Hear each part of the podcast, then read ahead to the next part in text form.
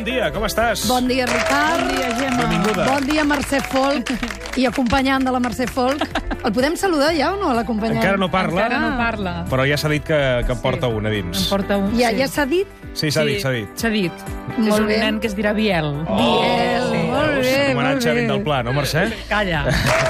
Doncs vinga, aquest matí, aquest matí us porto una història de superació, una història que comença amb un accident de moto.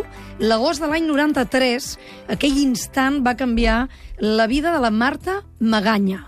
Després d'un mes en coma, la Marta va despertar, no reconeixia ningú, no es comunicava, no semblava saber ni qui era, i a partir d'allà va començar a estirar els fils dels records a partir d'un fet gairebé anecdòtic que ara ens explicarà.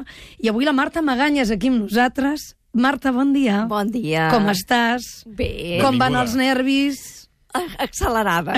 Sí, això explica-ho als oients. Digues, anar a la ràdio fa posar nerviós. Una miqueta. Eh que sí? Sí. Però som que bona sí. gent, tret de dos o tres, la resta aquí. Els que han aquí, en aquesta taula, Ens salvem. ens salvem. Però, Marta, amb el que tu has viscut, venir a la ràdio a explicar-ho no t'ha de fer posar nerviosa. Mm, està clar que Tu no, ets una però... lluitadora. Sí, sí que ho soc, però estic angoniosa. Marta, i quan recordes aquell dia que jo he dit agost de l'any 93, un accident de moto, m'imagino que el cor encara et fa un salt, no? Un saltet, un Sí. saltet, sí. Sí, sí, és un record estrany, però a la vegada estic contenta perquè me n'he sortit prou bé. Clar. I sobretot perquè la nit abans de l'accident te'n vas anar de marxa amb les amigues. Sí. la llàstima és que no la recordo. No la recordes? em venen imatges, però recordar-la de dir, oh, que bé que m'ho vaig passar, no. Però les teves amigues t'ho han fet recordar. No Això- en parlem. No? No en parlem. Però en el llibre ho escriuen. Sí, eh? sí, sí, Escriuen, sí. vam anar de marxa, vam, vam anar a l'Up and Down. Sí, Eh? sí, sí, sí. Perquè vosaltres havíeu treballat pels Jocs Juntes, Olímpics Sí, juntes uh, per les Olimpiades del 92 a Ràdio Mm. Televisió Olímpica. i no recordes res. D'aquell- D'aquell- D'aquella nit, no. A vegades em venen imatges, cosetes, però no sé si són exactament d'aquella nit o no. No puc... De no l'accident tampoc recordes? No. No. No, és- és que a vegades penso que són imaginacions perquè vull recordar-les i, i no. I penso que, que no són certes. Marta, tu ara has fet un exercici de recuperar records i per això has escrit aquest llibre de la xocolatina, que tu en principi volies que tingués un altre títol. Sí. Que era? Trencaclosques vital. Per què? perquè la meva vida ha estat com un trencaclosques. Sempre m'imaginava que el meu cervell estava ple de peces que les havia de- de- d'anar unificant. Ja. I per això ho tenia molt clar que s'havia dit trencaclosques. I vital, per la meva germana que va dir... Jo, jo com ho deia, trencaclosques La teva germana, que és la Maria Lluïsa Maganya. Sí. Bon dia, Maria Lluïsa. Bon dia, Gemma. D'aquella nit la Marta no recorda res. Tu ho recordes tot. D'aquella nit no, perquè jo no, de, hi era. la, de la trucada quan tu eres Ai, a Mèrida, no? Jo tornava de Mèrida, eh, mentre ells els passava el que els va passar. El Jordi anava en moto des de Mèrida a Barcelona. Mhm. Jo vaig anar amb autocar, avió, va ser una, un, viatge molt accidentat, però el que sí recordo és l'haver arribat a l'aeroport, que em va venir a recollir una altra germana, som cinc germans, la quarta va venir la Sílvia a recollir-me, amb una cara que ja vaig veure que passava alguna cosa. No vaig dir ni hola, vaig dir què passa, Sílvia, no? Ja em va dir anem, anem ràpid cap a... no anem a casa, anem directament a la mútua, a la mútua de Terrassa. La Marta ha tingut un accident. I jo li vaig dir, molt greu, no? Per la cara que fas, diu, sí, sí, sí bastant. No em va dir, pot ser que es mori, però li vaig llegir als ulls, està clar sí. que allò era molt, molt greu. Sí. Ja vaig anar directament cap allà. Us van dir que podia morir arran d'aquell accident? Uh, va haver-hi un moment que ens ho van dir, Sí. uh, perquè va haver-hi un metge, un dels que la va tractar, un... vam tenir la sort de tenir... De que hi havia un... Bueno, a la Mútua Terrassa hi havia un equip mèdic meravellós. Uh, quan vam arribar hi havia un metge que em va rebre, que, quan vaig arribar-hi jo, vull dir, eh, que havia estat amic meu de quan érem joves, i em, em va dir, la Marta està molt malament, veurem què passa, però estigueu tranquils, estem fent tot el que podem. Llavors ell se m'ha anat de vacances i es va quedar a càrrec de la Marta, eh, aquest doctor era el doctor Álvarez, es va quedar a càrrec el doctor Martínez, Jesús Martínez, i ell també se anat de vacances al cap d'uns dies. I em va venir a dir mi exactament, concretament a mi em va dir, yo ahora me voy, pero cuando vuelva Marta va ser otra, ya vais a volver a reconocer a Marta. Allò va ser una explosió d'alegria per Sí. tota la família. Però al cap de mitja hora ens reunia eh, el cap de neurocirurgia de l'hospital i ens deia que li havien arribat veus que ens havien dit que podia ser que la Marta eh, millorés moltíssim, no? Que ens ho traguessin del cap. que la Marta podia morir al cap de mig minut, al cap de mitja hora, al cap de dos dies, podia viure, que no ho sabíem, però que no podien fer cap diagnòstic cert que la, la seva situació era absolutament crítica. Casa clar van quedar tots mm, garratibats i retratats. Jo vaig tenir una mica més de sang freda i els vaig dir, això ho havia de fer aquest metge, perquè és cert que estan en una situació molt crítica. Perquè si passa qualsevol cosa que ells no tenien contemplada, nosaltres direm, però si ens havien dit que seria una altra, era la seva obligació, el que passa que va ser duríssim, eh? Quan ho van dir va ser molt fred Sí, sí, sí. i va ser molt dur. Sí que ens ho van dir, sí. I a partir d'allà la Marta està un mes en coma, Mm. un mes molt dur, i hi ha un, jo deia abans, hi ha, hi ha un fet anecdòtic que, que és revelador, que és que una nit tu i el teu marit, el Jordi Buixaderes, esteu cuidant a la Marta i, i què passa? Què passa? Què Què passa? passa? I atenció, oients, perquè ara ve el moment més revelador del llibre. El per què del títol, no? Sí. Perquè del títol que ens el, va, ens el va posar la Mercedes Milà, perquè ella va dir que aquest llibre no es pot dir trencaclosques vital, s'ha de dir la xocolatina. Vam quedar retratades i vam dir, doncs ens rumiem, però ens vam Sí. vam pensar que sí que tenia tota la raó. Bé, la Marta mai va, va, mai va estar sola. Primer per una voluntat de la família de no, de no deixar-la mai sola, després perquè ens van dir, mentre hi sou vosaltres, les constants sempre estan a dalt, quan marxeu les constants baixen. Llavors, des del primer moment, ella, a dins d'intensius, intubada, amb traqueotomia, amb tot, li parlaven com si ens entengués, li posàvem la seva música, li explicàvem coses, acudits, la tocàvem, tot. Era, em feia bastanta angúnia, eh, qui ens veia, fèiem una mica de pena a la família. Quan ens veien a fer actuar com si... si no passés res, no? Com si no passés res. Home, sí que passava, però nosaltres actuàvem com si ella ens Però us ho van recomanar els metges? Una infermera infermera ens va va dir, dir. aquest estadi de la Marta és un estadi desconegut per tothom, malgrat tothom la veiem inconscient Mm. i com un vegetal, ningú sap què passa al cap d'una persona quan està així. Per tant, Si és conscient o no, si rep Exacte. alguna mena d'estímul, no? exacte, ella va dir, posem-li la música que li agradi. Clar, mal no li farà, això. Mal no n'hi va fer cap. Està clar, hi vam posar tots a recollir la seva música, a dir-li coses... Mm, Fèiem això. Sí. Llavors, una de la... Llavors, mai va estar sola, i quan ja va passar d'intensius a semi-intensius, llavors l'horari ja, ja no era ni restringit, era sempre a les 24 hores. Sí. I una de les nits que vam anar a fer guàrdia amb el Jordi, anàvem pel carrer i el Jordi m'ha dit, mira que duc a la butxaca, avui m'han donat un after eight. Dic, El vols? Dic, no, no, dic, a mi no, no, no em ve de gust un after eight. Uh, dic, però a la Marta li encanta. Dic, doncs donem-li la Marta. Dic, home, Jordi, la Marta està amb son de nasogàstrica, la traqueotomia, no sabem ni què hi ha dins el seu cap, no ens entén. Nosaltres diem que sembla que ens entengui i que ens senti, però... Um, no, home, Jordi, més no podem fer-ho, perquè passem per davant dels metges, davant del seu home, no podem fer això. Ah, val, val, val, val, val. Va quedar així. I a mitjanit, no sé quina hora era, les dues, les tres, les quatre del matí, veig que s'aixeca, es treu la xocolatina de la, boca, de la butxaca i fa Marta, mira què tinc, tinc un after eight. Perquè hi ha una cosa molt curiosa que passava amb el Jordi i la Marta, que ens feia riure, que és que quan el Jordi li parlava, la Marta es batanava els ulls, es movia, Suposem, sí, suposem, clar, fèiem cony, home, sembla que la Marta estigui enamorada del Jordi, fèiem com broma tots plegats. Suposem que els, els sentits de la Marta estaven molt minvats, naturalment, però que potser la veu del Jordi era més fonda, és més fonda, és la veu que té, gruixuda, tant. aquella veu Sí, tan sí, fonda. La, la veu del suplement, per cert. Sí, Sí, sí. Exacte. Sí. I pensem que arribava una mica més enllà que la veu de la resta de persones.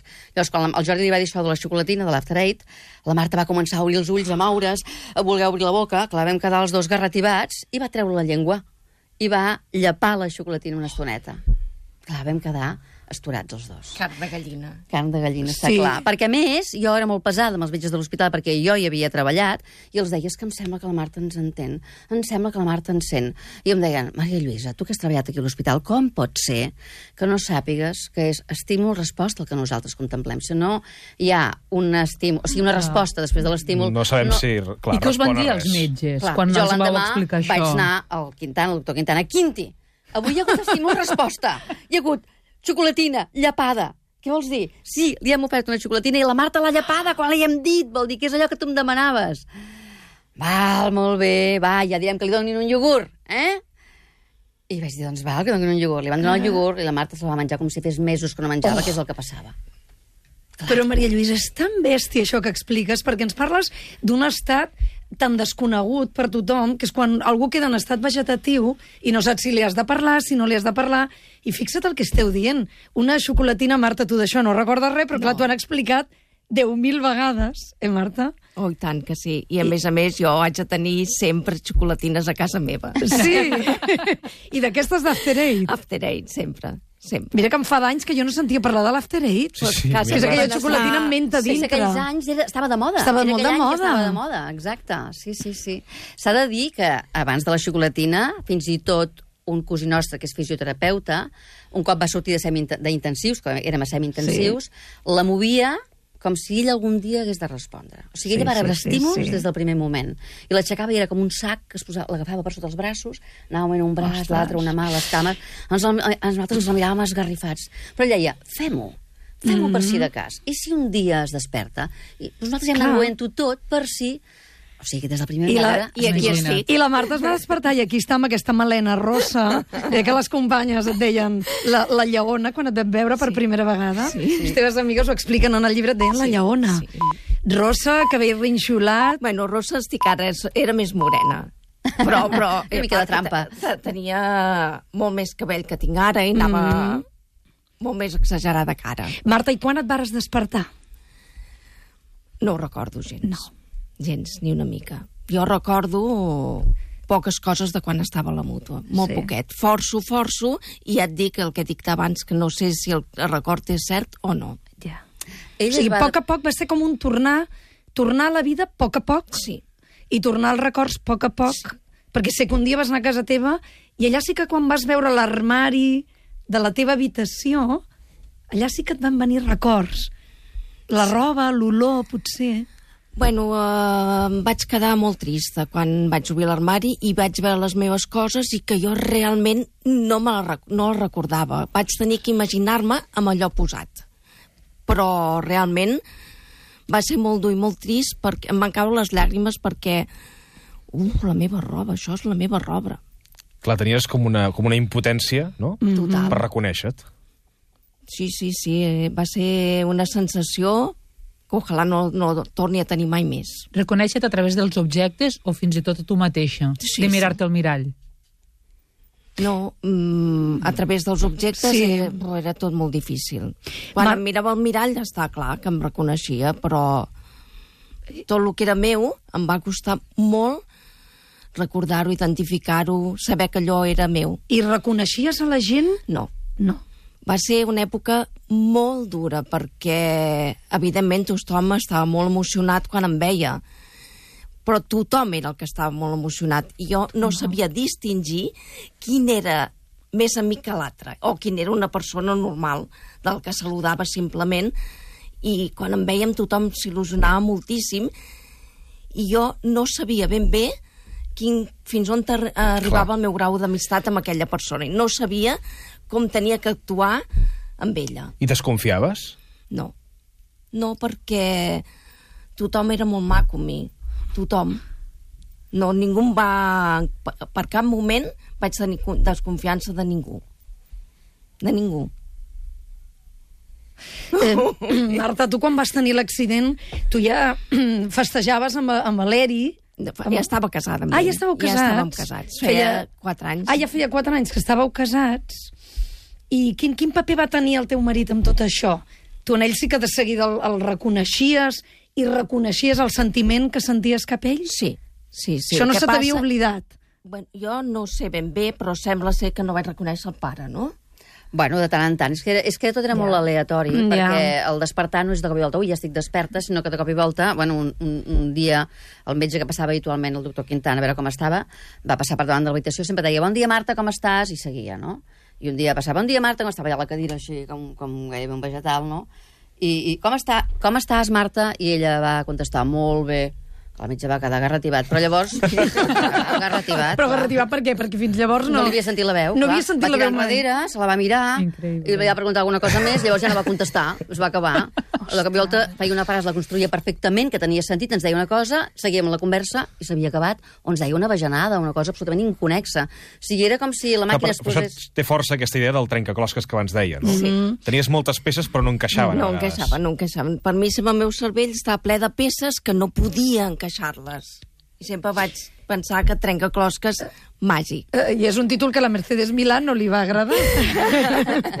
Clar, potser els oients diran, i què té a veure la Mercedes Milà? La Mercedes Milà és sòcia d'aquesta llibreria Mas Bernat, Sí. que diria que són ells Sí. els que es van enamorar de la vostra història i la van voler editar, Sí, i és sí, molt sí. divertit com la Mercedes diu trencacloscas. ¿Cómo hay que llamar a un libro trencacloscas? si no lo sé ni decir, diu ella. la xocolatina. Um, Marta, i ara ja les peces han encaixat? Han encaixat, però tinc molt, moltes errades encara. Tinc cosetes. Tinc cosetes que crec que eh, les arrossegaré tota la meva vida. Mm. Crec. No, De quin tipus, Marta? Oblido coses i hi ha coses que no, no n'estic segura del tot encara. No sé, és, un, és el meu tarannà de vida que l'he assumit. El que passa que no vol dir que n'estigui conforme. No, tu conforme eh, no n'estàs perquè és que no deixes de lluitar. No ho deix- no Marta, et van dir una cosa, mai. una cosa molt forta, et van dir tot el que evolucionis fins als dos anys és on, on la Marta podrà arribar. Els metges li van dir fins aquí arribaràs, i la Marta va dir que no que tu lluitaries molt més... Fins al final. Fins al final. Fins al final, quan ja perseverar, ulls. lluitar... És més, vas ser mare, Sí. Eh, vas voler ser mare? Sí, sí, sí. sí. va ser una decisió difícil? Gens. Gens, gens. No va ser difícil. Aquí hi ha una miqueta de trampa. Per què? perquè el fisioterapeuta que ella va tenir a l'Institut Goodman, que és Sí. una persona que la va ajudar moltíssim, És que tots els que he tingut al meu costat m'han ajudat molt sempre. sí. aquest llibre Ha està sigut molt publicat per ell, eh? Sí? Sí. sí. Perquè ell, quan va saber que fèiem la feina que fèiem a casa, va dir que això no podia quedar a casa, que s'havia de publicar per ajudar d'altra gent. Una persona meravellosa, el Vicent Sagarra. Doncs, eh, parlant, tenia, estava molt en contacte amb el seu home i amb ella, un cop ja va sortir de l'Institut Goodman, i li va recomanar al seu marit Heribert que la deixés embarassada. I, I era perquè, com que la Marta estava tan obsessionada en el bon sentit en millorar, que clar, el, el motor motiu, centre de la seva vida era ella mateixa sempre, i ell va dir és bo que ella tingui aquesta força que té per lluitar, però ho, ho, ho ha de lateralitzar una miqueta, i si té un fill, això existirà, però no estarà només a primer pla, i seguirà lluitant igualment. I així va ser. Així va ser. Ara et costa controlar els sentiments? No com abans, però em costa, evidentment. Em costa. És que és difícil. Una situació com la meva és difícil de portar. Però és molt valenta, i ho porta Sí, molt bé, eh? però què és el més difícil? Marta, què és el que més Quan jo me'n dono compte que hi han coses que no les puc dominar, que no les puc fer, que no les puc memoritzar, que no, que no puc amb coses, ah, és molt difícil. El que passa que jo passo per sobre de que sigui tan difícil i visc la vida perquè l'haig de viure.